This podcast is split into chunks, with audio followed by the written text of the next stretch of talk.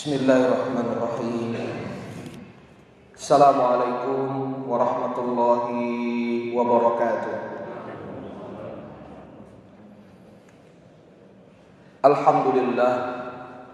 Wassalatu wassalamu ala rasulillah Wa ala alihi wa ashabihi wa mawalah.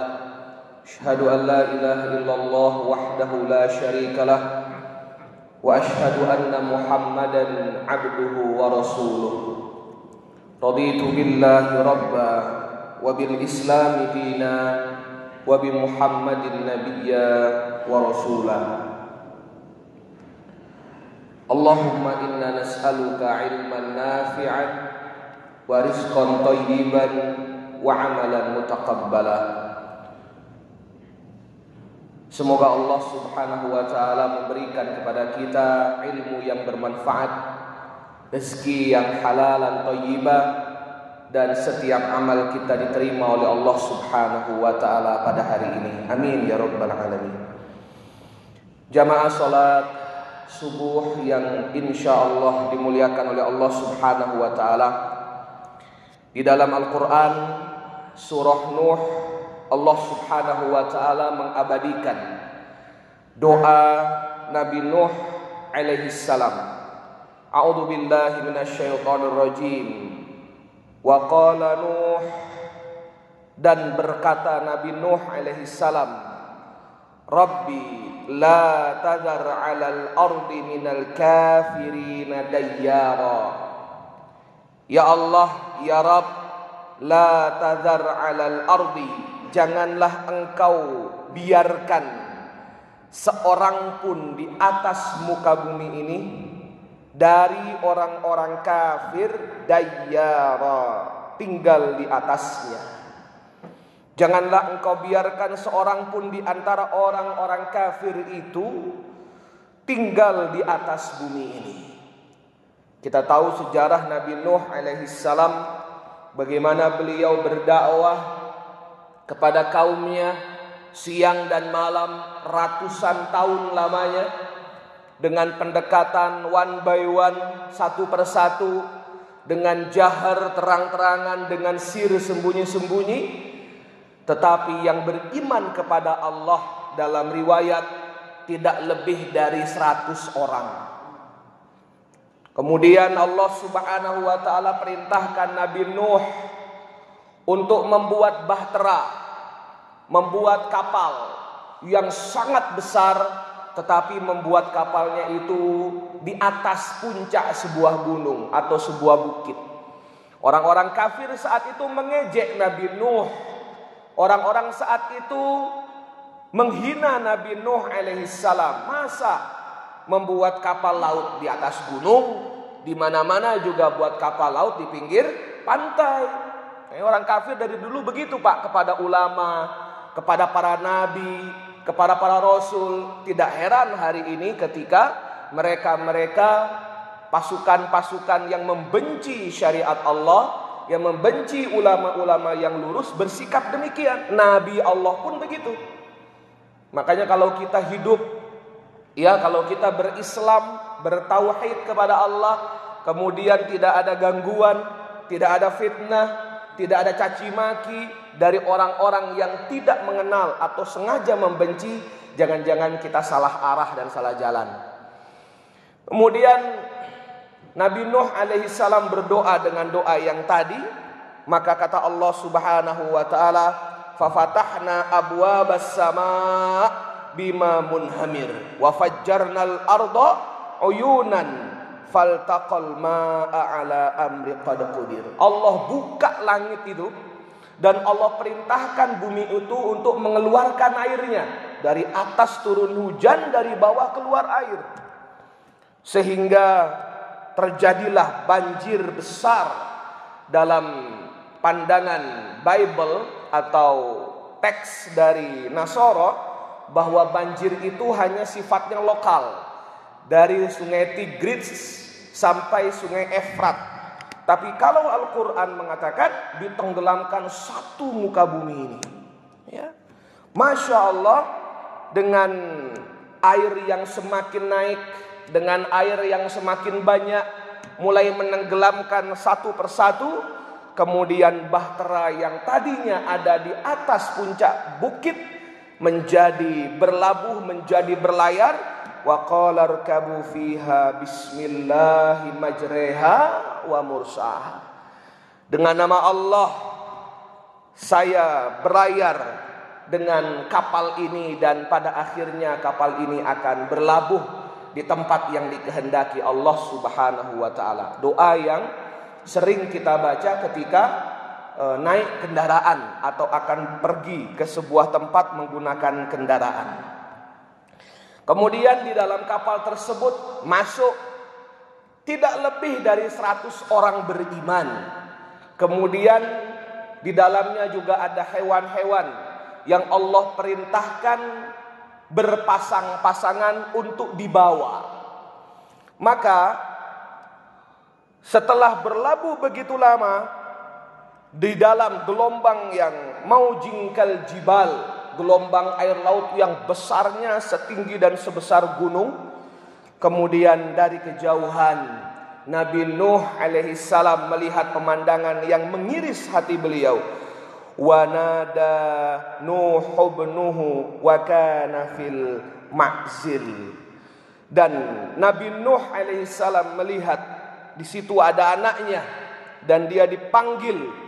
Kemudian anaknya itu berada di sangat jauh di antara gelombang-gelombang. Masya Allah, bagaimana perasaan seorang ayah dalam posisi berlayar di atas bahtera yang Allah perintahkan, tapi ada anak yang berusaha berjuang di antara gelombang besar itu menyelamatkan diri. Lihat bahasa Nabi Nuh alaihi salam, "Ya bunayyar kam ma'ana." Wahai anakku sayang, naiklah ke kapal ini bersama kami. Masih menggunakan bahasa yang penuh cinta, ya bunayya. Kalau anak biasa ya bani, tapi kalau anak sayang yang perasaan cinta yang besar seorang ayah, ya bunayya, wahai anakku sayang, ayo naik bersama ayah, bersama kami di kapal ini. Wala takum ma'al kafirin dan jangan sekali-kali kamu bergabung dengan orang-orang kafir. Jadi ini menjadi bukti bahwa seorang anak di dalam kehidupannya amat sangat ditentukan oleh dua hal. Yang pertama, sebagaimana yang Ustadz Ihsan sering sampaikan dalam kajian subuhnya, bahwa anak itu tergantung bagaimana kedua orang tuanya. Yang kedua, anak itu tergantung bagaimana lingkungannya. Hanya tarik menarik saja, mana lebih kuat tarikannya dia akan condong ke sana. Nabi Nuh alaihissalam kurang apa? Seorang ayah penuh cinta, Nabi Allah, utusan Allah, tapi ternyata anaknya lebih condong kepada orang-orang yang ingkar kepada Allah Subhanahu wa taala. Semoga Allah menjaga keluarga kita dan keturunan kita dari mempersekutukan Allah Subhanahu wa taala. Qala sa'awi ila jabali ya'simuni minal ma. Anaknya menjawab, "Nanti saya akan ke gunung itu, Ayah. Gunung itu bisa menyelamatkanku dari banjir besar ini." Masih ada egois, masih ada kesombongan, sudah tampak ayat-ayat Allah masih tidak mau beriman dan masih menggantungkan keselamatan, kesuksesan itu pada kemampuan diri. Ini yang kadang-kadang membuat orang celaka. Kadang-kadang kita sudah melihat tanda-tanda Allah Subhanahu wa taala, tapi karena ego kita dan kita merasa mampu keluar dari kesulitan karena kemampuan kita, kekayaan, kecerdasan kita, maka justru kata para ulama jangan-jangan perasaan kita itu yang membuat kita semakin celaka di hadapan Allah Subhanahu wa taala.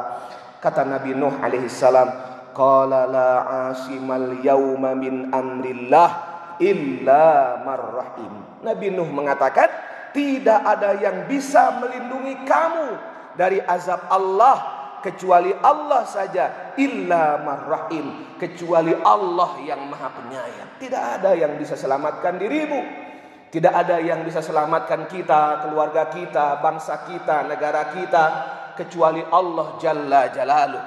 Maka wahala bainahumal mauj dan gelombang menjadi penghalang, pemisah keduanya. Jadi awalnya sudah sangat dekat, tiba-tiba datang gelombang, akhirnya anaknya semakin jauh, Nabi Nuh juga semakin jauh.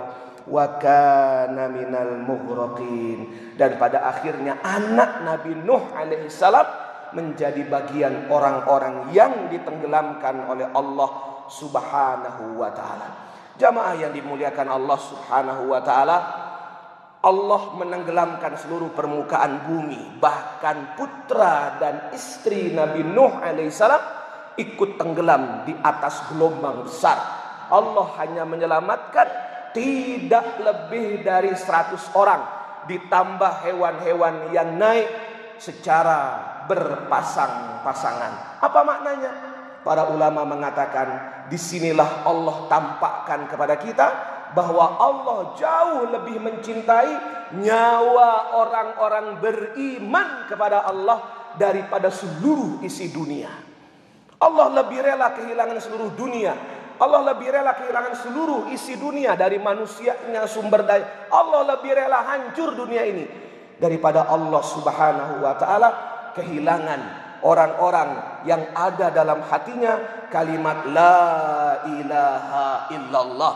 Ketika kalimat tauhid bersemayam dalam hatinya, maka Allah Subhanahu wa taala lebih menghargai itu dan Allah menyelamatkan orang-orang beriman.